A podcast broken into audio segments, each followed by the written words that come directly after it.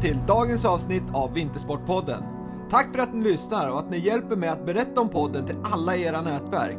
Med alla intressanta gäster som jag haft och kommer att ha tycker jag alla ska få chansen att ta del av deras kompetens, erfarenhet och förmåga att ge inspiration.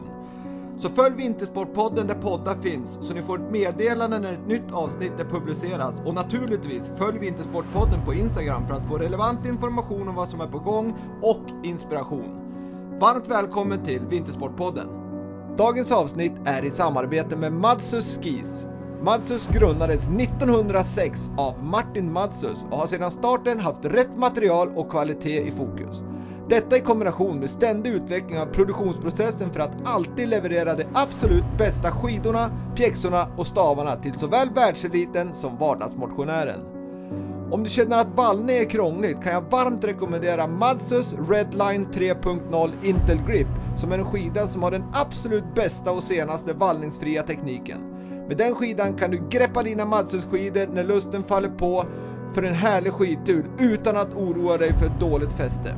För mer information och detaljer om Madsus skidor, pjäxor och stavar besök www.madsus.com eller gå till din närmsta sportaffär och fråga efter Madsus produkter. För en bra, skön och njutbar skidupplevelse, välj Madsus. Och Brooks, The Running Company, som är helt specialiserade på löpning. Brooks grundades 1914 och har lång erfarenhet hur bra skor ska utformas. Det kan jag verkligen bekräfta. Jag har testat många olika modeller och kan helt ärligt säga att Brooks har skor för alla löpstilar och underlag. Unna dig och din löpning ett par Brooks-skor nu när våren är här. Med bra löpskor blir löpupplevelsen roligare och hälsosammare för din kropp. Run happy med Brooks, the running company. Nu kör vi igång dagens avsnitt.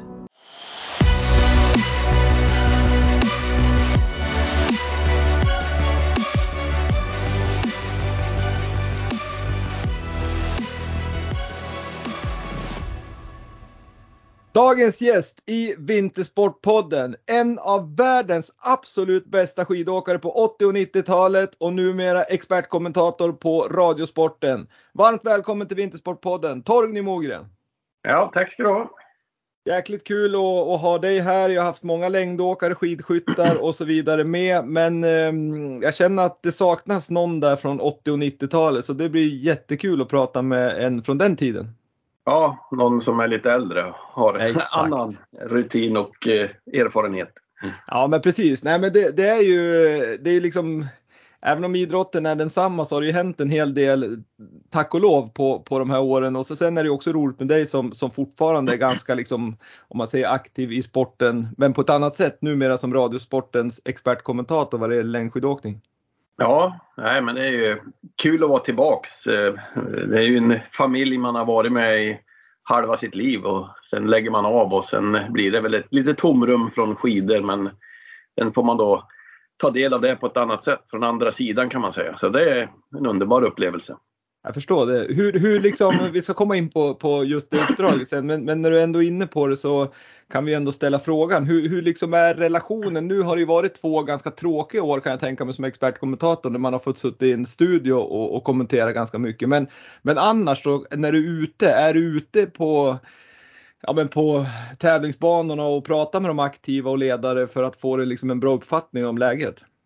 Ja, man eh, är väl ute och träffar dem på presskonferenser och kan ju träffa någon ute i spåret om man är ute där när de är ute och kör. Men eh, det är väl mest på någon presskonferens i så fall man träffar dem och det är ju sällan man möts, eh, ja, apropå bara helt på någon by någonstans i världen. Utan det är, det är nog mest i samband med tävlingen, arenan där och presskonferenser framförallt. Yes.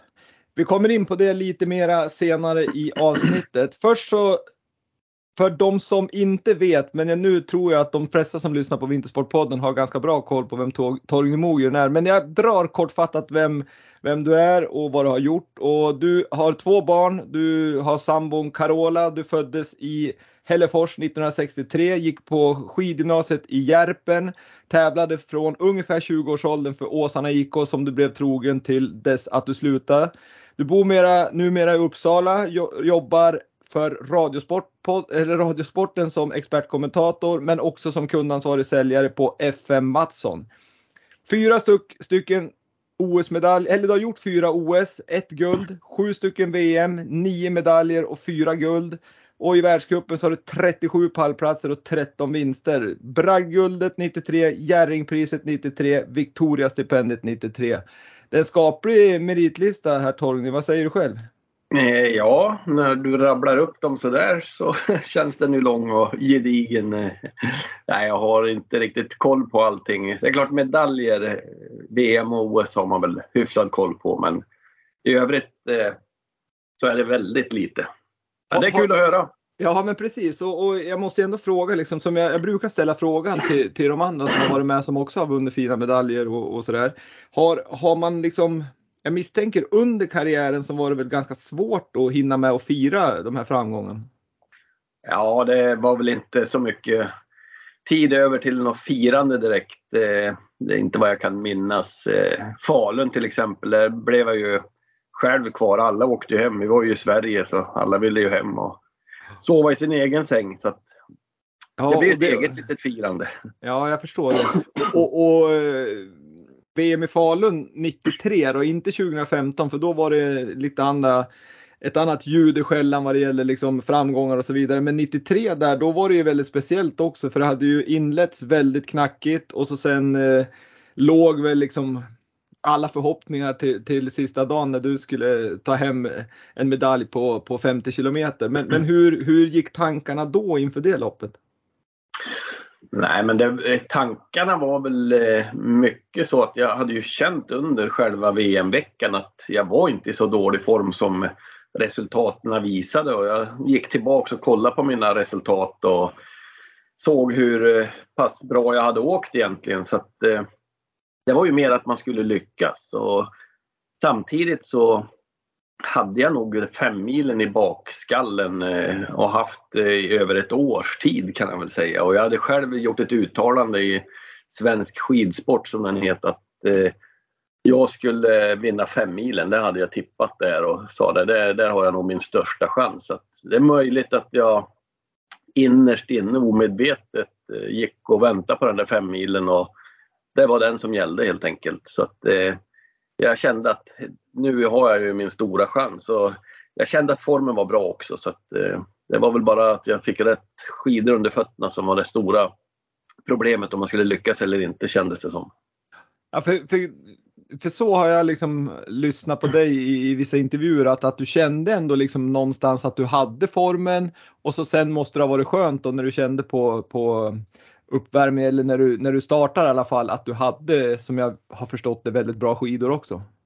Ja, det hade jag. Jag kände det direkt när vi testade. Eller först så åkte jag på ett par som kändes fantastiskt bra. Men då vart jag övertalad att prova ett par till. Men jag sa det kan väl inte finnas ett par till som är bättre än det här. Men det gjorde det faktiskt. Så att, eh, när jag fick dem under fötterna då kände jag att nu, nu är det upp till mig att göra någonting bra av det här. Sen att jag skulle vinna, det, det hade jag väl kanske ja, förhoppningar om. Men Eh, det var ju en medalj som var mitt stora mål den dagen i alla fall.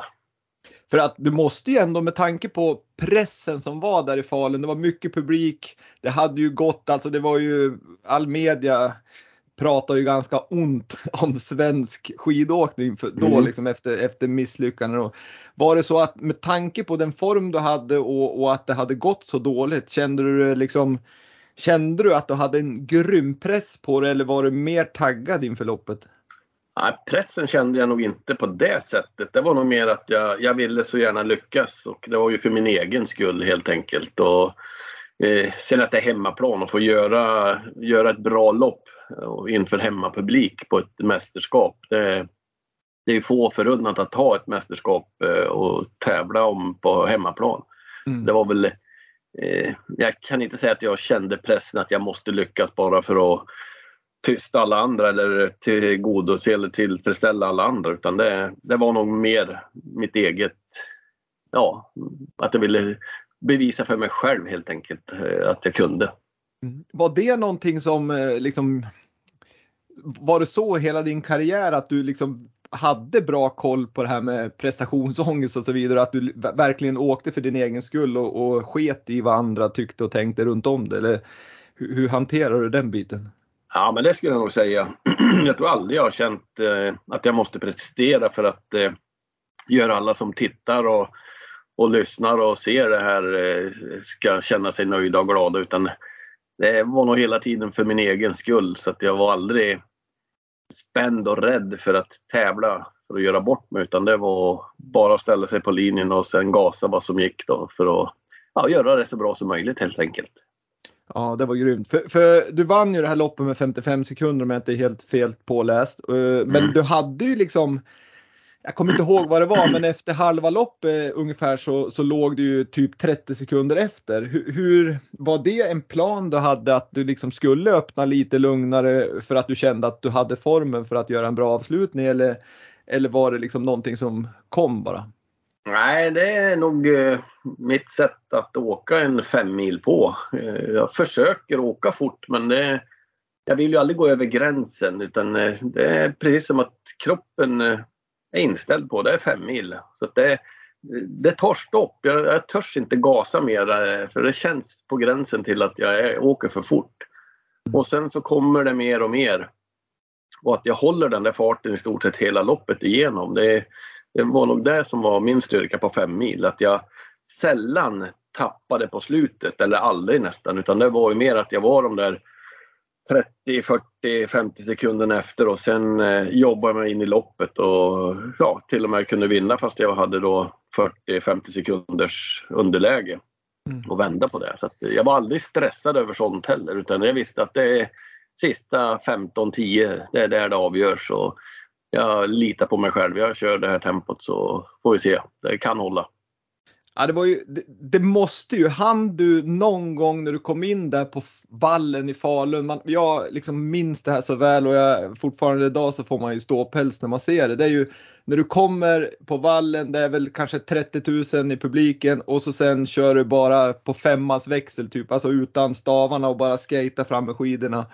Han du liksom njuta av den stunden? För det är det inte många som får vara med om i, i sin karriär. Nej, eh, jag vet inte om jag, jag njöt. Eh, ja, det gjorde jag ju så självklart. Eh, för det var ju sånt otroligt tryck när jag kom ner mot stadion och åkte de här slingorna som gick i, i, in i stadion och upp ja, i kanten av stadion upp i några små slingor uppe i skogen där. Så att, och det var ju enormt med folk. Och det var sånt otroligt liv så jag hörde ju inte de här som står på sidan om och matchade mig. Jag hörde en massa siffror och sekunder och nummer och namn men det, liksom, det var helt omöjligt att få en bild av hur jag låg till och vilka jag var före eller vem som var tvåa, vem som var trea. Det var helt omöjligt. Så Det är klart man eh, blir lite irriterad på det men samtidigt eh, ett sånt tryck eh, från publiken det, det har jag aldrig någonsin upplevt annat än just där och då i Falun. Nej, det, det, var, det är helt magiskt att se. Det är liksom ett av ja, sportvärldens härligaste eh, minnen skulle jag nog säga som det är idag. För det är så just historien före det där loppet också med att det hade gått ja. tungt och pressen och mycket folk och så får man vinna den där liksom 50 kilometer med den där publiktrycket. Det måste jag, eller det är ju fortfarande helt magiskt. Ja, det är det ju. Och samtidigt eh, när jag väl är på väg in, när du säger det, när jag åker på femmans växel ner mot målet, full fart och kör som en dåre bara för att eh, jag hade inte riktigt koll. Jag tänkte, ska det vara sekundstrid då ska jag i alla fall gjort allt i min värld för mm. att ja, jag inte ska förlora med en sekund. Men det var ju betydligt mer och Gunde var väl referent på TV. Han sa men uh, vad, har han inte koll på läget? Han behöver inte spurta sådär när han vinner med nästan en minut. Nej, men, precis. Det, den kollen hade jag inte riktigt. Nej, det var, det var verkligen, det är kul att höra när, när Gunde refererar där och, och, men en annan som, hela det här liksom mästerskapet var ju eh, norsk succé och jag minns tror jag inledningsloppen i bäste svensk var 12 Christer Majbäck tror jag det var. Och, och, eh, Norge hade fyra topp sju och det var ju liksom, ja, Norges media var ju eh, ganska kaxig. Eh, men sen måste det ha varit en grym känsla där efter det här loppet, 50 km loppet när, när kungen kanske det året i alla fall, Björn Dählie, eller han var väl duktig jämt, men Björn Dählie liksom hyllade dig så mycket inför publiken där. Det måste ha varit en fantastisk känsla. Ja, men det, det var det faktiskt. Eh, och man kände nästan att hela norska laget och ledare och alla unna Sverige eller ja, oss att eh, få den här framgången på hemmaplan. Så det, det var ju också en skön känsla faktiskt. Och jag minns jag var nere på press, eller prisutdelning var det. Mm. Efter stafetten. Och då träffade jag norska skidpresidenten där och då sa han att det kom fram och ja, beklaga att det gick så dåligt för oss att vi ja, han förstod hur vi mådde och tyckte synd om oss och, och allt vad han nu sa. Då. Men sen så klappade han mig på axeln och sen sa han det, men fem milen den vinner du, sa han. ja, gud vad härligt. Det, det måste ha varit en härlig känsla. Ja, det var det. Mm. Men du, hela det där året var ju liksom, måste ha varit ändå ganska omtumlande med, med, med den här segern och, och, just den bragd det var och du vann liksom bragdguld, du vann Jerringpris och Victoria stipendier. Det, det, det, hände ju väldigt mycket det där året. Hur, hur tog du det liksom som person? För jag menar, det, vinner man allt det där och i Sverige där, där skidåkning är så populärt också så, så måste ju liksom mycket av livet förändras också i uppmärksamhet och att man kanske inte kan vara lika anonym längre. Nej, det blev ju väldig uppståndelse runt den där femmilen. Det tog ju nästan aldrig slut kändes det som. Alla skulle ju ha sin vinkel och sina bilder och sina reportage. Så det var ju dag efter dag man hade olika medier på plats då, som gjorde sitt.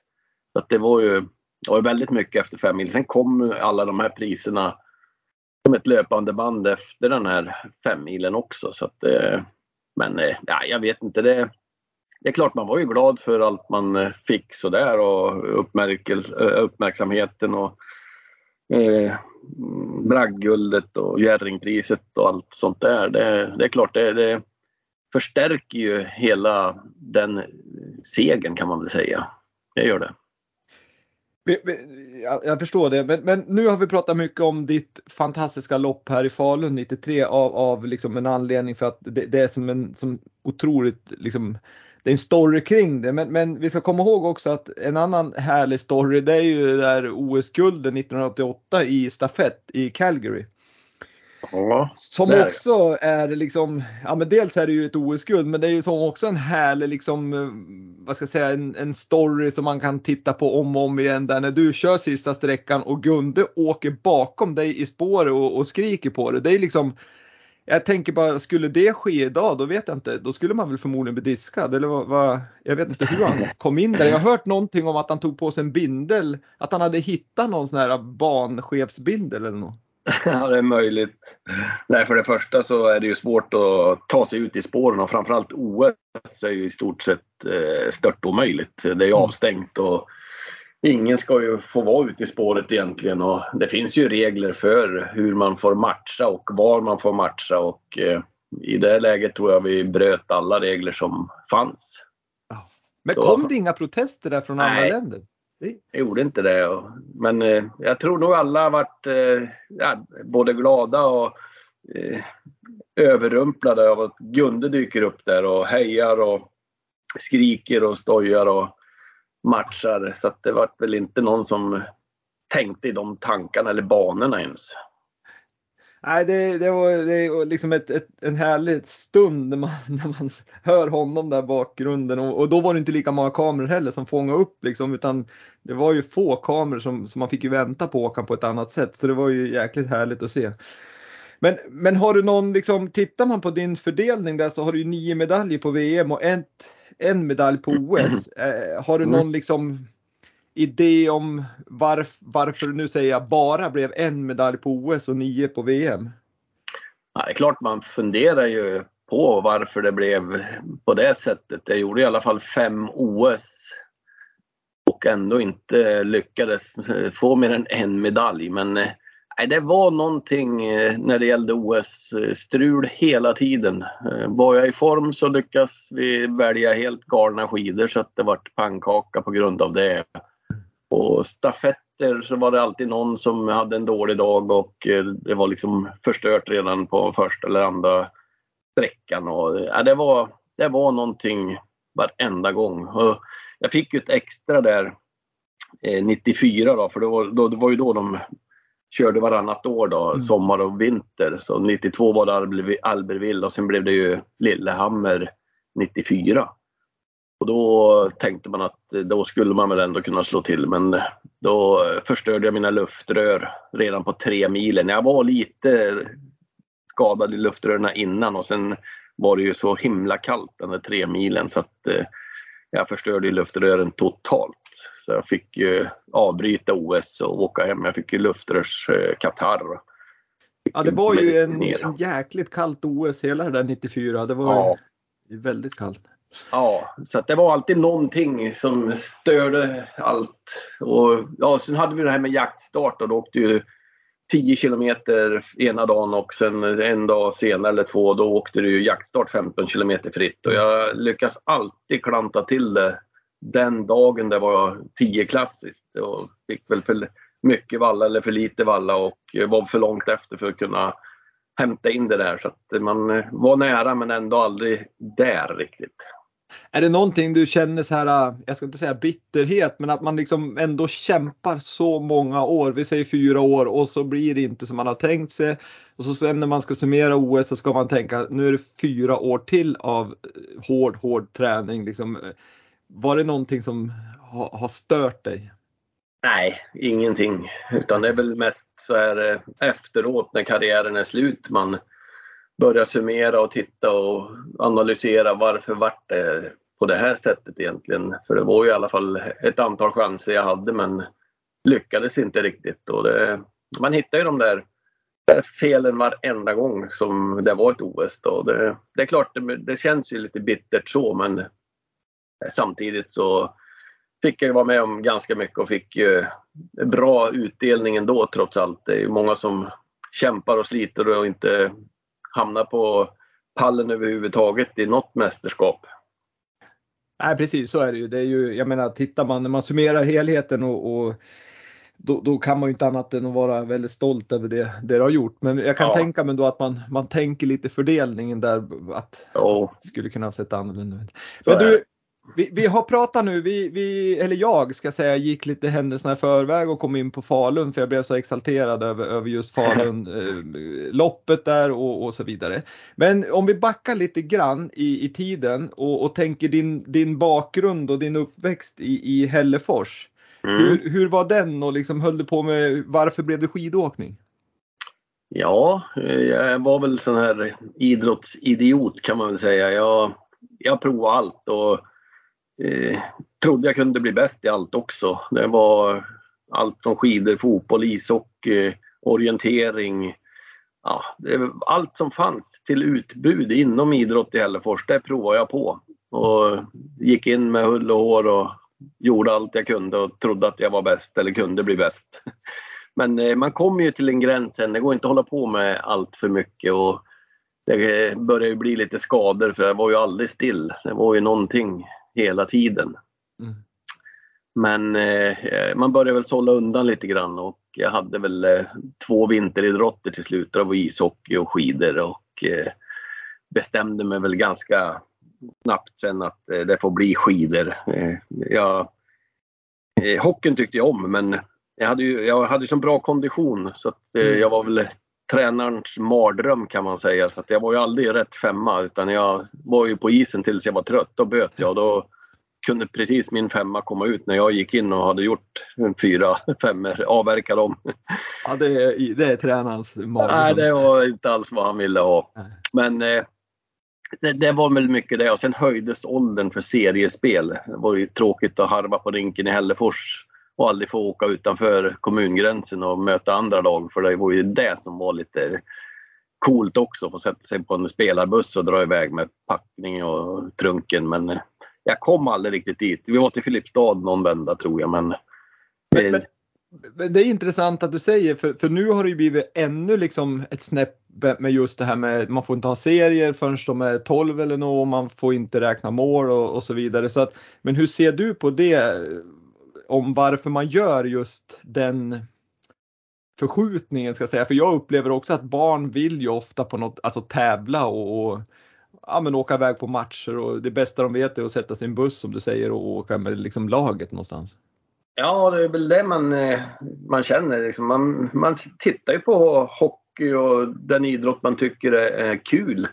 Och där är det ju någon som vinner och det är en tid eller ett antal mål och Eh, man mäter sig mot varandra. Och, eh, så att jag, man vill väl få bort hetsen eh, i unga år, att man inte ska hetsas till att bli en ungdomsstjärna. Det, det kan jag väl ha en viss förståelse för men samtidigt så tror jag det är bra att få lära sig att kunna hantera vinster och förluster på ett bra sätt och, och inte ja, vinna och, vara jätteglad och sen förlora och vara en idiot för det och bete sig illa. Utan det där är ju en, en process också tycker jag, att man får lära sig i unga år och ta med och motgångar på ett bra sätt, på ett värdigt sätt. Det, ja, det blir det, någon form av Ja men det blir också någon form av utbildning tycker jag då. Men, men, ja. men sen är det väl många gånger så är ju tror jag det är ju vi föräldrars fel det här med hetsen och att det liksom att, att det blir fel sätt de tar det på. Jag, menar, jag tror att ungarna kan mm. hantera det många gånger på ett bra sätt men, men det tycker jag är jäkligt synd att, att, att eh, ja, men liksom att man sätter begränsningar på, på saker som kanske inte är riktigt många gånger ungarnas fel. Nej, så är det ju också. Det, det, har ju blivit, det ser man ju också. Jag har haft barn som har hållit på spela fotboll och hockey. Det, det är en liten hets eh, såklart bland föräldrar och de ser ju till sina barns bästa och mm. ska vara med och lägga sig i alla uttagningar och allting. Men det där la jag åt sidan. Det, tränaren får sköta det. Det är inte ja. min uppgift utan det, jag tycker grabbarna ska vara med och ha kul och, och vara ett glatt och trevligt gäng när de var ute. Ja, för det är ju skillnad tycker jag att vara engagerad och, och lägga sig i. Det är liksom engagerat, då, då hjälper man ju laget och alla framåt. Ja, och, och, det är ju liksom positivt att man hejar på alla på isen och inte skriv, skriker på domaren och så vidare. Nej. Men det är väl där det går fel många gånger. Ja, det är väl, de vill få bort det där i allt för unga år, att det ska bli den där hetsen och att man då ska matcha sina barn för hårt och att de ska tröttna. Det är väl mycket det det handlar om, skulle jag tro. Men, men du säger där att du spelar hockey och du gillar det där och liksom att få hoppa på bussen, spela bussen och, och, då är det ju liksom den här lagkänslan. Och det är ju någonting som man kanske många gånger, nu, nu är längdåkningen ganska bra ändå att åker man för Åsarna så åker man tillsammans på tävlingar och man har valla team och så vidare.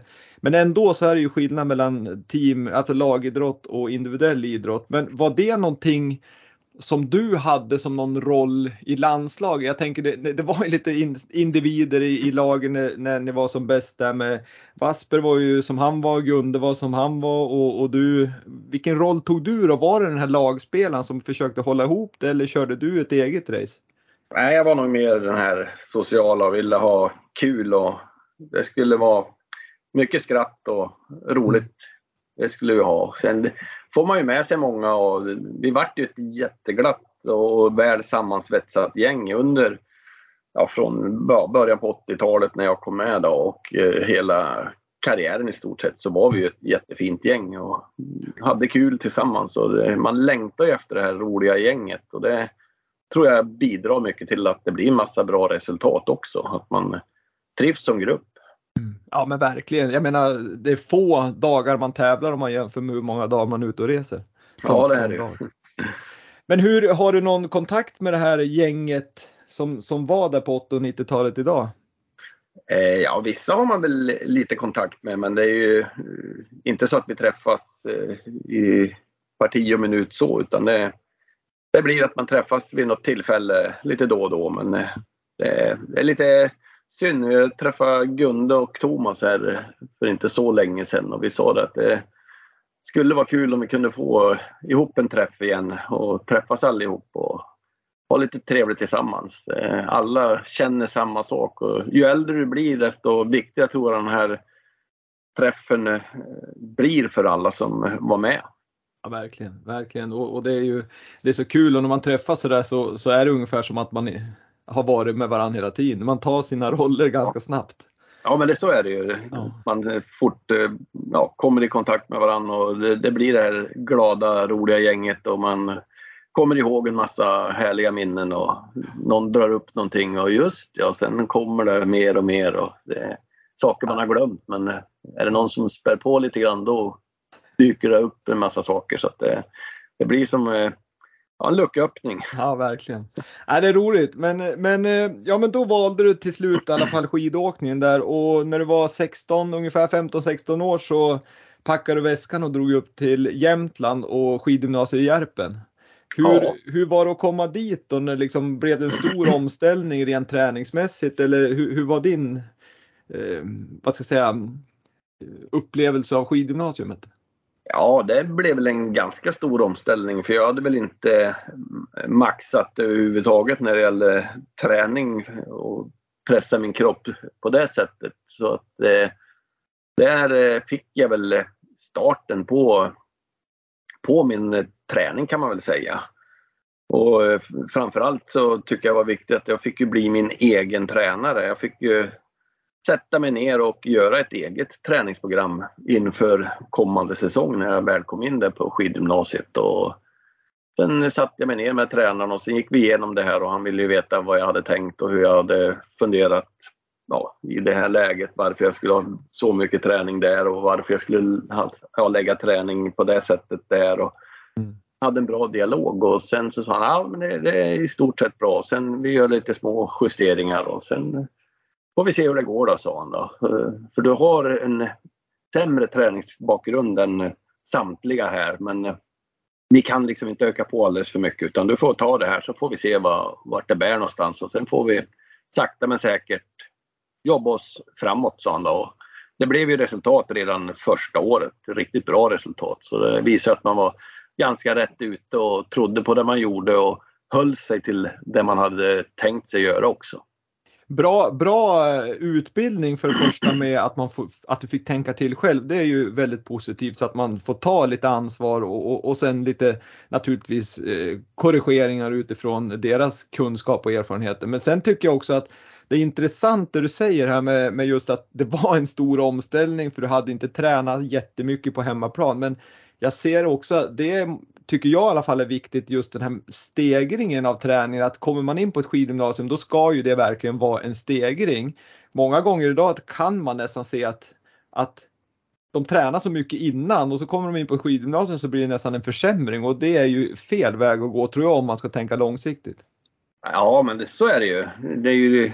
Man måste ju jobba sig framåt och Eh, har du tränat för mycket, sen i den här åldern också så växer vi lite olika snabbt och utvecklas olika under några år där. Så att, eh, det är klart, eh, vissa var ju väldigt duktiga men de hade ju åldern, eller åldern, men träningsbakgrunden plus att de var tidigt i utvecklingsstadiet då. och sen hände ingenting och sen kom ju vissa i kapp och så vidare som jag då till exempel. Och då blir det ju jobbigt för de här som kanske har varit väldigt duktiga och sen får de stryk av sådana de normalt sett eh, aldrig tog stryk av och då, då vänder ju allting för deras del och för de som kommer underifrån så då blir det ju en eh, raket istället då.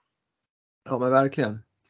Eh, så är det och, och Sen, sen om, ja precis, så jag håller med dig till 100 procent och det, det, jag tror det är bättre att gå den andra vägen, att man, att man utvecklas och, och har liksom positiv, eh, positiva tankar med sig hela tiden att gå åt andra hållet för då krävs det ganska mycket att vända den trenden när man börjar liksom fundera på oj, oj, oj nu får jag stryk av de här som jag har slagit i 15 år. Ja, det, det, det blir ju en mental, eh, mentalt jobbig situation och Eh, Eh, klarar man inte den, eh, för det är kanske ett eller två år, sen kanske de utvecklas på grund av att de ändrar lite träning eller tränar lite mer och, och får en kick av det och, och drar iväg. Men eh, det är just den mentala biten att man inte kanske klarar av den då när det blir lite bakslag och sen orkar man inte gå vidare. Så det är ju många som kommer in på ett och har varit väldigt duktiga men de klarar den där juniortiden och sen lägger man ner helt enkelt. Och det, det är väl lite tråkigt för det kanske finns jättemånga som ger sig i förtid. Ja det tror jag verkligen och det, det, är någonting som, som jag tror eh, ja, idrott generellt sett måste se, se se över att, att, att få fler att fortsätta liksom under den här tiden när man är just i den där åldern eh, kring gymnasiet. För då är det många, väldigt många och ännu tidigare som lägger av mm. av olika anledningar. Men, men det som fanns bra då när du var aktiv och jag tror det fanns fram till bra precis där slutet av 90, början av 2000-talet, det var ju att det fanns någonting som hette idrottspluton och det fanns ju på olika ställen men du gick ju på I5 då, jägarbataljonen i Östersund. Eh, och, och, fick möjligheten att träna på, vad ska jag säga, inte på skoltid men på, på Nej, militärtid. Lump, lump, militärtid så att säga och väldigt, väldigt bra liksom uppbackning var det ju också. Det, det var ju också en bra grej för dels för de som var med ett landslag naturligtvis som skulle göra militären och kunde fortsätta satsa men även de som låg snäppet under som som kanske inte var riktigt bra, de hade ju en möjlighet att fortsätta utvecklas med bra träning. Ja, men det, så är det ju. Och eh, jag tycker det var bra för det är Okej, okay, man fick ju kanske inte den träning man önskar sig. Man vill väl träna lite mer och sen eh, var du lite sliten emellanåt på grund av att du var tvungen att vara ute på övningar och så vidare. Men det var ju en eh, oerhört bra lärotid att få eh, göra lumpen tycker jag. Det är ingenting jag ångrar överhuvudtaget, tvärtom. Och man fick ju gott om tid att träna egentligen. Så att, eh, det är bara det att man kände sig stressad över att man inte fick eh, sova så mycket som man kanske ville emellanåt. Då. Men eh, med facit i hand så, så tror jag att det var en väldigt bra tid och alla har ju gjort lumpen i stort sett eh, som var med i laget. Då. Jag gjorde ju militärtjänsten tillsammans med Gunde till exempel. Så att, han lyckades ju bra ändå trots att han var tvungen att göra militärtjänst. Så att, ja, jag tror, ja, men jag tror att det ganska bra. Det finns ju fler eh, duktiga idrottare som precis har tagit OS-guld och världsrekord som, som dessutom rök in frivilligt i, i det militära. Jag tänker på Nils van der Poel som, mm. som gick den vägen. Så att ja, på något vis så tror jag att det, att det kan vara bra också att, att man har någonting kanske annat att tänka på än bara träning, träning, träning. Absolut. Och det är, jag såg det som en en väldigt bra utbildning och att eh, växa upp lite grann också. Mm. Få lite struktur. Foga sig i ledet. Ja men precis. Um, om, vi, om vi går vidare sen till, eh, till um, ja, men karriären har vi pratat en del om kring, kring både OS och VM och, och så vidare. Men, men jag vet inte under, under din karriär så så eh, jag vet inte om, om det var under karriären eller om det var efter som du investerade i, i, i en skoaffär. Alltså du tog över din mormors skoaffär nere i Hällefors och sen expanderade ni lite och så sen mm. gick det väl inte riktigt som ni hade tänkt. Hur, hur var det under karriären eller efter karriären du gjorde det här? Nej, det var nog eh, under karriären var det. Att, eh, hur var ja. det då liksom tänkte jag? Det var ju också egentligen en, en, bra sätt att, att tänka på annat än bara träning och tävling. Men, men samtidigt så det, det, krävs ju att det går ganska bra om man inte ska belastas rent mentalt av det och i det här fallet så gick ni väl i konkurs om jag inte har läst på fel. Ja, det, jo, det, så blev det ju. Eh, nej, men det, grejen var väl att man eh, expanderade väl lite för snabbt och eh, spred ut sig lite för eh, spretigt så att säga. Så att det var väl mycket det. Och jag själv, i och med att jag var aktiv, så kunde jag inte engagera mig så där våldsamt mycket heller. Så att det, eh, ja, det var väl många orsaker till att det vart som det vart. Så man skulle nog ha begränsat det lite mer. Man såg nog att det kunde vara bättre med fler butiker när det gällde inköp och så vidare. Men samtidigt så krävs det massa personal och Eh, transporter och flytta grejer fram och tillbaks mellan butiker och det är klart det i slutändan så skulle man nog inte ha gjort det på det sättet utan begränsa det lite mer och då kanske det har gått något bättre.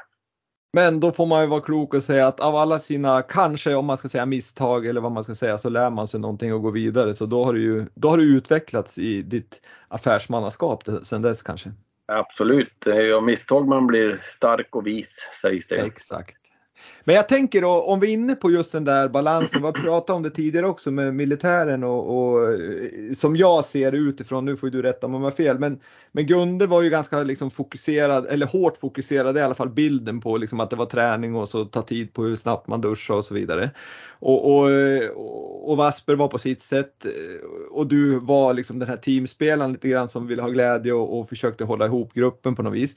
Men hur, hur var din balans i livet? För att du tränar ju mycket, det vet vi, för annars vinner man inte OS och VM-guld. Men, men jag vet, liksom, du har ju spelat musik under din karriär också, för ni hade något band, om jag inte missminner mig, var Anders Bergström med i något band och mm. spela. Hur, var det någonting som var till stor nytta för din karriär att du, du hade liksom lite andra saker med, med, ja nu var det skoaffärer men även musiken och sånt där? Ja men det tror jag. Jag var inte den här som hade tunnelseende så utan jag, jag ville, ville ha lite kul lite utanför också. Musiken var en del. Vi spelade ju ihop och så vidare och sen eh, åkte lite rally samtidigt som jag var aktiv under ja, sommartid så, såklart. Men eh, eh det var sådana små grejer som eh, jag kände som kickar i livet. Eh, träningen gick väldigt bra i tre, fyra veckor för jag visste då ska jag iväg och åka rally i skogarna i två, tre dagar. Och sen eh, vart det en tävling och då var man ju exalterad över att få köra rally och sen så var det hem och träna igen och sen hade man det där den där moroten och det här roliga som skulle ske då några veckor senare igen då. Eller en månad senare eller något sånt. Så att, eh, jag, jag ville göra saker som jag tyckte var kul samtidigt som jag hade en fokuserad satsning på skidorna också. Det, det, jag var inte den där personen som bara snöade in och bodde i en bubbla och inte kunde göra någonting annat utan det, jag ville ha lite action runt omkring också som inte hade med skidor att göra. Men, men som, som, du är ju ändå väldigt liksom eh, inne i skidåkning idag som expert och, och, och sådär. Hur mm. är eh, all idrott, oavsett om det är skidor eller fotboll eller hockey eller slalom, så har det ju utvecklats väldigt mycket. Jag menar tar du på 80-talet så, så jobbar ju många samtidigt som man var elitidrottare men, men numera så, så är det ju inte så jättemånga som jobbar samtidigt som man gör en elitsatsning. Hur, hur, vad, vad tycker du där? Är det, Finns den möjligheten och hur, hur, skulle du se på liksom, om du skulle ge ett tips till elitåkarna att, att det kanske till och med skulle gynna många att, att man inte grottar ner sig i sina mm, dåliga tävlingar och att man inte är i form utan man kanske gör, vågar göra någonting annat för att liksom eh, på så vis komma framåt. Ja, men så är det väl. Eh, för vissa är det nog kanske värdefullt att ha någonting annat att pyssla med på sidan om. Det är många som pluggar lite försiktigt på sidan om och så vidare men jag tror det är eh, möjligt idag 2022? Ah, att plugga tror jag är möjligt. Läsa på ja, någon mindre kurser och eh, jobba in saker och ting och eh, utbilda sig lite grann. Men jag tror inte det finns utrymme för att eh, varken kunna jobba efter någon ordning eller plugga efter någon ordning. Det, det krävs så otroligt mycket Ja, det är ju riktigt. Liksom, ja, det har blivit, allt har ju blivit annorlunda och, och ja. det är ju så otroligt liksom välplanerat och, och liksom det är så noggrant allting så att det, jag, jag, det kan vara svårt att se att det skulle fungera. Ja, nej, jag tror eh, nästan till att det är omöjligt och vissa har ju gjort försök och pluggat ganska intensivt men jag vet inte. Min känsla är att det blir, det blir för mycket satsning på både skidor och det andra för man vill ju inte misslyckas med, med ett plugg man har dragit igång då då blir det lätt att eh, saker blir, de blir för jobbiga helt enkelt. För, de är jobbiga redan från start men eh, har du två saker som kräver väldigt mycket då, då blir du splittrad och eh, fokus blir inte 100 procent. Ja, precis. Eh, jag, jag, tänker på någonting som jag tycker är bra däremot som, som vissa gör väldigt, väldigt bra. Jag tror du också är en av de som har gjort så att under din karriär så hade du ett samarbete med F. Mattsson om jag inte missminner mig. Mm, och, och, det är ju någonting som jag tycker liksom som jag liksom verkligen vill att aktiva ska göra, att, att se till att det är viktigare att få bra relation med sina samarbetspartners, liksom att man tänker framåt än att man får någon krona extra här och nu. För, för jag menar, du fick ju en fin utbildning och du har ett, liksom ett bra jobb som, som du än idag jobbar med. Så, så det måste ju ha varit någonting som har varit väldigt bra. Ja men det var det ju. Jag blev ju anställd 92 eh, och det var väl i samband med att de ville göra en, en separat, de sponsrade ju Åsarna IK men ville göra en eh, personlig och separat sponsring med mig som person då. Och eh, efter mycket dividerande så la ju han som skötte mina affärer då fram ett förslag om att eh, anställa mig i företaget och det tyckte de var helt genialiskt och eh, då gjorde de det. Och sen så hade jag möjlighet att se om jag om i företaget och var det någonting jag tyckte var väldigt intressant så skulle de hjälpa mig med en utbildning till att eh, kunna utföra det jobbet då sen. Men eh, jag var mycket med säljarna då och var ute och träffade folk och det var ju mässor och det var eh, ja, andra VIP-arrangemang och så vidare. Så att, eh, jag tyckte det var ett trevligt jobb så att, eh, jag sa det, nej jag, jag, jag, tycker jag vill hålla på med det här när jag lägger av. Så att då,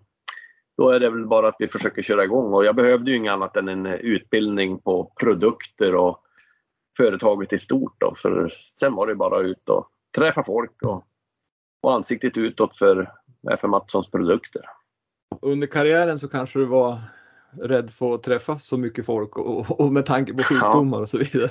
Ja, det, det, var man ju. Men då var man ju ute, det var väl vårkanten och ja, sommar och så vidare. Men höst och vinter var man ju aldrig ute på något jobb och stora samlingar så. Då, så. Nej, men det låter ju kanon. Eh, när karriären var över så gick det väl något år tror jag, kan det vara en tre år så efter karriären så började du på Radiosporten som expert. Ja, 2003. Det gick väl en fyra fem år där. Ja, hur, hur, hur, dels, eh, nu har det ju gått några år sedan dess, men, men hur, hur, liksom, hur tycker du rollen är att vara expertkommentator just i att man ändå är ganska nära, man, man, man är där ute eh, liksom i spåret och, och sporten är inte så superstor så man känner ju ganska många. Hur, är det jobbigt att vara expert? För ibland där måste man ju kliva in och vara lite kritisk också om det inte går som det ska.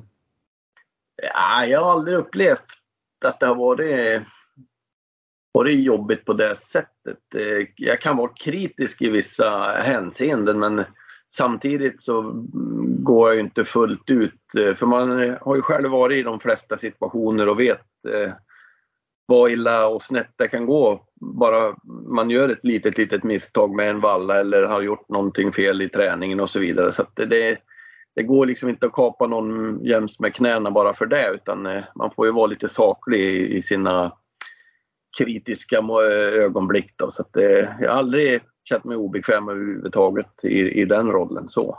Nej, men det, för jag kan tänka mig ändå att ska man göra det bra, då måste man ändå våga sticka ut näsan eller hakan ibland och säga liksom att ja men det här var inte bra eller det var skidorna var si eller så och det ser ut på ett visst vis och det, och det tycker jag du gör väldigt väldigt bra men jag tänker det, är inte så att du känner att du ändå att det blir jobbigt på något vis för, för det, då är det inget roligt heller. Nej då, då blir det inte kul om man eh, känner att man måste måste vara väldigt kritisk. Eh, men det, som jag sa, ska jag vara kritisk då ska jag vara det på ett sakligt sätt och mm. Mm. verkligen ha grund för om jag ska gå fullt ut. Och, ja, så att jag verkligen vet vad jag pratar om. Men jag tror jag aldrig jag hamnar riktigt eh, så illa än. Så att, eh, jag måste göra, gå över, över gränserna så. Nej, du gör det väldigt bra tycker jag. Ehm, jag tänker på det som är på gång nu då, eller på gång, det som vi har blivit varse om här för, någon, för en vecka sedan kanske eller två.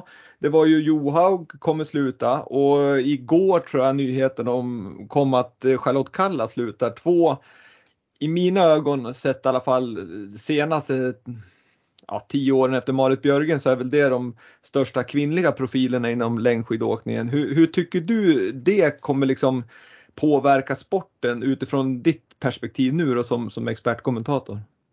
Ja, det är klart när Johaug berättade att hon skulle dra sig tillbaks då, då blev det en helt annan eh, situation när det gäller damskidor. För hon var ju nummer ett. Sen eh, tävlar de andra om andra, tredje, fjärde och femte plats. Nu blir ju ja, internationell damskidåkning mycket mer öppen. Nu är det ju fler som kan kliva fram och vinna tävlingar. Det är inte lika givet längre vem som vinner. Nej, nej så är det ju inte. Men, men, men samtidigt så är det ju alltid sådär med det är ju bra när det finns sådana här profiler. Jag tänker också på um, eh, Northug som, som var en profil där under lång tid som jag tror har varit väldigt positiv eh, för, för skidåkningen som sådan. Ja, men det, det är ju alla de här eh, som är ja, exceptionellt bra eller eh, ja, har, en, eh, har ett sätt att vara som eh, väcker uppmärksamhet. Det är klart, när sådana försvinner, det, det, det tappas ju viss, en viss charm över tävlingarna och eh, över skidåkningen när profiler försvinner. Så är det ju alltid. Och eh, Charlotte Kalla har ju varit en stor förebild för många och det är nog den effekten vi ser idag av svensk damskidåkning. Det är ju, eh, skulle jag vilja säga, en Kalla-effekt. Och det är ju samma i Norge. Du hade Northug, du har haft Johaug, Björgen och alla de där. Då. Det, det har ju bidragit till att de har haft eh, bra skidåkare. Så att, eh, nu är det ju lite tunt på damskidåkningen i Norge men eh, det är ju alltid så när när några slutar, både Björgen och Johaug, och det har inte riktigt kommit någon som har klivit in och varit i närheten av dem då, då det är lätt att det blir ett litet glapp. Men så är det ju för alla länder. Vi kan ju aldrig liksom ha ett eh, starkt damlag i 25-30 år framöver utan det, det kommer att svänga lite fram och tillbaka. Så nu väntar vi på herrarna och det kommer säkerligen att ske något år. Men det är aldrig kul när profiler lämnar men det är alltid så. Någon måste ju lägga ner någon gång. Det går inte att tävla till man är 75. Nej men precis och sen är det ju viktigt med de här generationsväxlingarna att, att för, om man ska få det hållbart över tid för det såg man ju kanske jag vet inte om det eh, påverkar så, men jag tror ju kanske lite, nej jag vet inte, de kom ju in de här Johan Olsson och Hellner och, och allt vad de hette, men, men att, att eh, Elofsson fick sluta tidigt kan ju också påverka lite grann svensk herrskidåkning. Ja, om han har fått eh, fortsätta i fem sex år till på samma sätt. Då kanske det har sett lite annorlunda ut. Eh, mycket väl kunnat vara så men Ja, det är nog ja, är förhoppningsvis på gång igen. Absolut, verkligen. Nu har vi ju, Porma har ju visat framfötterna bra här. Och så är det mm. kul att Kalle Halvarsson har vaknat till liv lite grann igen. Ja, han har börjat på sent på året. Ja, väl, precis. Ja, Men, vann, vann ju, eller vann gjorde han inte, var tvåa i Falun. Och, ja, det var ju starkt. Ja, verkligen. men väldigt bra. Men jag tänker på om man tittar på skidåkning som sådan så är det ju liksom i Sverige, Norge, Finland så är det ju stora idrotter. Det är ju liksom mer eller mindre nationalsporter. Ja, i Norge är det det, i Sverige är det väl nästan det efter fotbollen tänkte jag säga, men det är ju en väldigt populär idrott. Men ska det bli liksom ännu mer populärt och, och, mer pengar och liksom hej och hå och större framförallt, då, då måste ju framförallt längdskidåkning bli mer global. Ja. Ehm, att det inte är norska mästerskapen varje gång det är tävling och sådär utan att, att fler länder, lite som skidskytte har ju där är det ju bättre där att det är fler nationer som är med i topp 10 och så vidare vilket gör det mer intressant. Men jag tänker där kanske det här med att Johaug framförallt, nu är ju inte Kalla prestera på samma nivå som hon har gjort tidigare, men att, att det blir mer öppet och det kanske finns chans att det slås in åkare från andra länder i topp topp tre? Ja men det gör det absolut. Eh, man har, ju, man har ju följt nu det här året så tycker jag det har hänt en hel del. Det kommit några tyska tjejer som verkligen visar framfötterna och även eh, de amerikanska tjejerna. Jag har ju haft Diggins som har varit bäst där men nu har det kommit några till som kliver fram och eh, är riktigt duktiga. Och även på amerikanska herrsidan så finns det en del intressanta namn också. Så att det, eh, det händer saker just nu tycker jag i alla fall inom den internationella skidåkningen och fler länder som, som har eh, en och annan åkare som kan sticka upp. Och det är ju jättebra för, för sporten, verkligen, verkligen.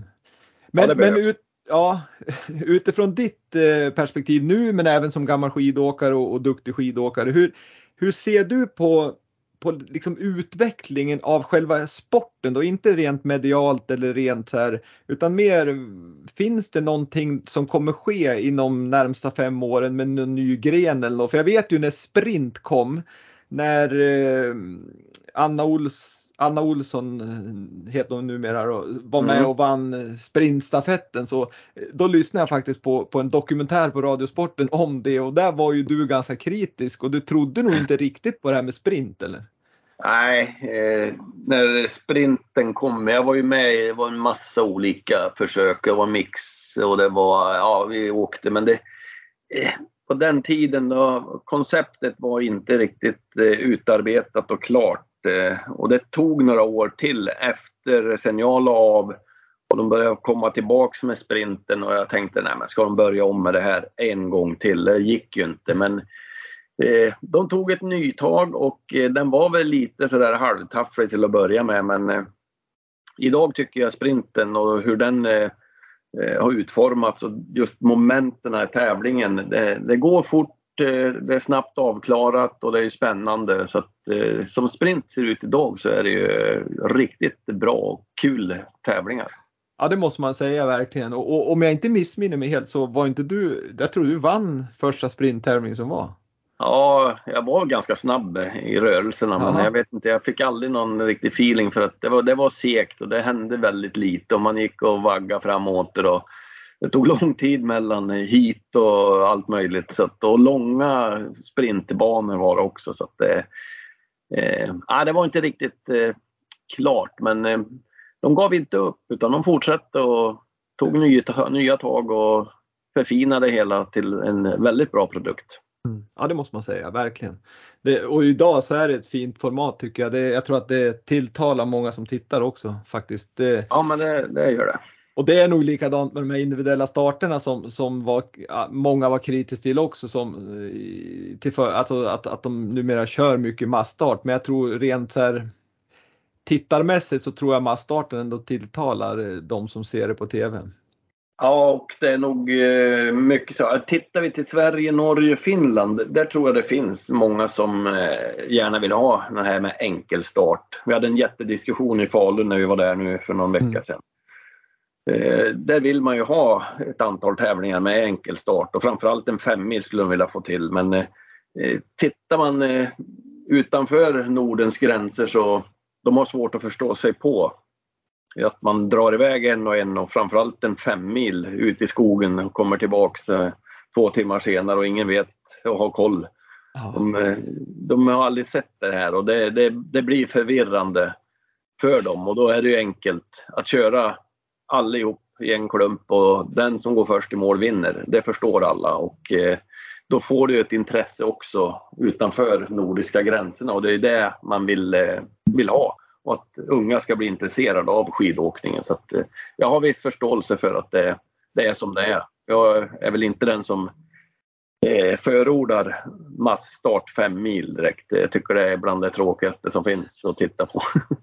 Och så tycker man det är lite orättvist när, när det är någon stackare som ligger och drar och drar och drar och så sen den som har legat tia kommer sista 500 Ja. metern. Ja, man tyckte ju synd eh, när man såg de där fem milen när det blev massstarter och stackars Södergren som Ja. alltid var med. Han försökte och försökte få fart på loppen för att få så få som möjligt att hänga med. Men eh, det blev inte nog många så han vart ju fyra, femma varenda gång. För han hade Ja. inte spurten. Han skulle nog ha tagit många pallplatser han, i både världscup och mästerskap om det hade varit eh, liksom, eh, ensam start, intervallstart. Han har haft halsen full av medaljer. Ja, precis. Men du, eh, apropå medaljer då. Har du bra koll på dem så de hänger på en fin tavla och det är en text under vart det är och så vidare eller ligger de nerstuvade i en låda där du inte vet vart de är? tänkte säga. Nu kan jag vända mig om och dra ut lådan. I en liten blå plastpåse ligger alla medaljer. Ja, de gör det. Men, Du eh, vet i alla fall vart de är? Jag vet vad jag har dem, men inte, inte mer än så. Men de ligger packade en och en i några plastfickor så att eh, de inte ska bli för, eh, förstörda i alla fall. Ja, det är bra att, du, att de ligger så fint. För det är ett roligt minne säkert att titta tillbaks, om inte annat för barnen och kanske barnbarn framöver. Ja, men det ska man iväg på något ställe och även i jobbet så kan man åka iväg och det ska vara någon uppställning där man ska visa grejer eller att man ska stå i en butik där de ska sälja, ha någon sån här BVS-dagar eller vad det är. Då kan inte du ta med dig medaljen och visa dem? det är lite småkul. Ja, verkligen. Men du Torgny, innan vi ska avrunda det här så måste jag också fråga här. Du, du, du, du drabbades av, av, tänkte jag säga, det har väl säkert funnits där ett tag någon, någon form av problem med hjärta, du fick problem med vänstra klaffen och innan man uppfattade det så trodde man väl att du hade covid och så vidare. Men, men eh, kan du berätta lite grann om, om just det där hjärtproblemet och den operation du sen fick gå igenom? Ja, eh, jag vet ju inte om jag har haft eh, något fel. Jag har inte känt att jag har haft någon nedsättning i, i form av att jag inte orkar saker. Jag har tränat, eh, åkt skidor och gjort andra lekprogram i TV där man maxar och tar ut mycket av kroppen så att jag har aldrig känt någonting. Men sen från en dag till en annan så blev jag bara helt slut i kroppen. Orkade inte göra någonting och fick eh, ganska hög feber. Och det var ju typiska symptomer på covid men eh, jag var iväg direkt och tog ett test men det visade ju ingenting. Och då var man ju tvungen att avvaktade lite grann och tänker, tänkte väl att det var något annat skit jag fått och det går väl över snart. Men sen blev det bara sämre och sämre och till slut så började man hosta blod och mådde inte alls bra och febern släppte inte och jag vart bara tröttare och tröttare och orkade knappt gå. Och då förstod man att det var något allvarligare än bara en liten infektion i kroppen. Så att, eh, det blev ganska snabba ryck. Från att man då hittade det här en onsdag, torsdag till att man då låg på operationsbordet måndagen därpå sen, eller ja, måndag. Och då var det någon form av eh, dålig funktion eller i, ja, vänstra klaffen? Där. Ja, det var hjärt, ja, vänstra eh, klaffen där som eh, stod vidöppen. Den stängde aldrig. Det är ju som ett, eh, ja, vad ska man kalla det, en vakuumventil nästan. Ja. Pumpar in blodet i hjärtat och sen pumpar ju blodet, eller hjärtat ut blodet i i aortan då. Mm. Och i det här fallet så stod ju klaffen öppen så att det sköt in blodet så jag syresätter ju inte kroppen. Jag fick ju inte ens hälften ut tillbaks i kroppen och kunna syresätta muskulatur och övrigt som skulle fungera. Så att, eh, men som tur var så fanns det små rester kvar som kunde använda den naturliga klaffen. Så det var... Ja visst gjorde de det och gjorde ja. liksom eh, typ en eh, skönhetsoperation på den. Ja, han sa det. Nu är du också plastopererad, sa, sa läkaren. Nej, de kunde använda den och det, det är ju tur det för då slipper man ju äta eh, blodförtunnande resten av livet också så det kändes ju skönt. Ja fasiken vad skönt. Men det tog ett tag, det har, liksom, det har tagit ett tag att återhämta sig va? Ja det tog ju lite tid, det gjorde det ju. Man kände ju att man hade inte någon kondition överhuvudtaget de första tre, fyra månaderna, månaderna och eh, eh, sen var ju det här, de bröt ju upp hela bröstkorgen så det tog ju tid innan man kände att det också kändes helt okej okay, och att man inte hade ont av att eh, ja, röra sig lite fortare än i normalt gåtempo. Och idag så är man väl igång och försöker träna men det, ja, det går tungt. Det, sen är man ju inte, man har ju inte åldern med sig heller. Så att men du har fri, du får träna liksom hur ja. du vill. Det finns inga begränsningar där? Nej, det är inga begränsningar. Jag frågar hur pass hårt jag kan gå på och hur mycket jag får göra. Det blir du snart varse, sa de. Ja, det, det, finns ja. liksom inga gränser för hur, hur, hårt du vill träna men du kommer aldrig att kunna göra det för det, det tar stopp, sa de och då, ja, då är det som det är. Så att nu får man successivt eh, träna ja, tuffare och tuffare då för att eh, ja, komma längre och längre så att säga. Det är, det är som att starta om från noll och bygga upp sig. Men det här måste ju vara lite frustrerande som gammal elitskidåkare när man i princip eh, man kan springa ett varv runt jorden utan att bli trött och så helt plötsligt så, så tar det emot. Ja, det kan jag lugnt säga. Eh, ja, första turerna man gjorde, man trodde inte det var sant. Jag var ute och åkte rullskidor. Minsta lilla lutning så var jag helt stum, mjölksyra Och sen var jag ute och sprang. Jag orkade inte springa en halvtimme i ett svep ens utan att stanna och gå vissa bitar. Ah, att det, ja, det är ett uppvaknande. Ja men verkligen och skönt att du är frisk igen. Härligt. Ja då. Men du Torgny, nu har jag bara en fråga kvar. Nu har vi snackat på här och det har varit jättetrevligt att ha haft dig som gäst i, i podden här och, och jag har fått eh, bra svar på mina frågor tycker jag. Härlig, härlig, härligt samtal. Eh, den sista frågan som jag ställer till alla gäster i podden den är ganska lättbesvarad och den lyder så här. Kan du säga en framgångsfaktor för att lyckas med idrott?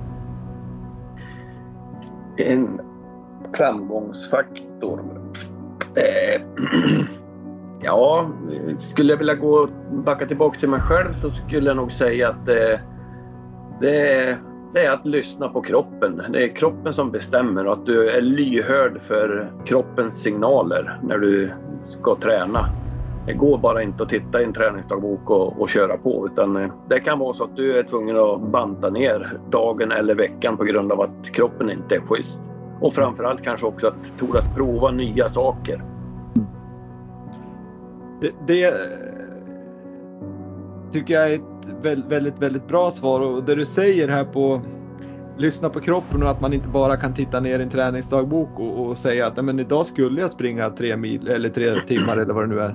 Det är lite grann som ledarskap, det att det är svårt att leda ett, ett gäng individer via ett Excel-ark. Som, ibland är det folk som gör det att man tittar, men i Excel-ark här så står det att alla ska vara glada idag, men, men så är ju inte verkligheten. Så att det är en liten parallell där mellan ja. idrott och ledarskap kanske.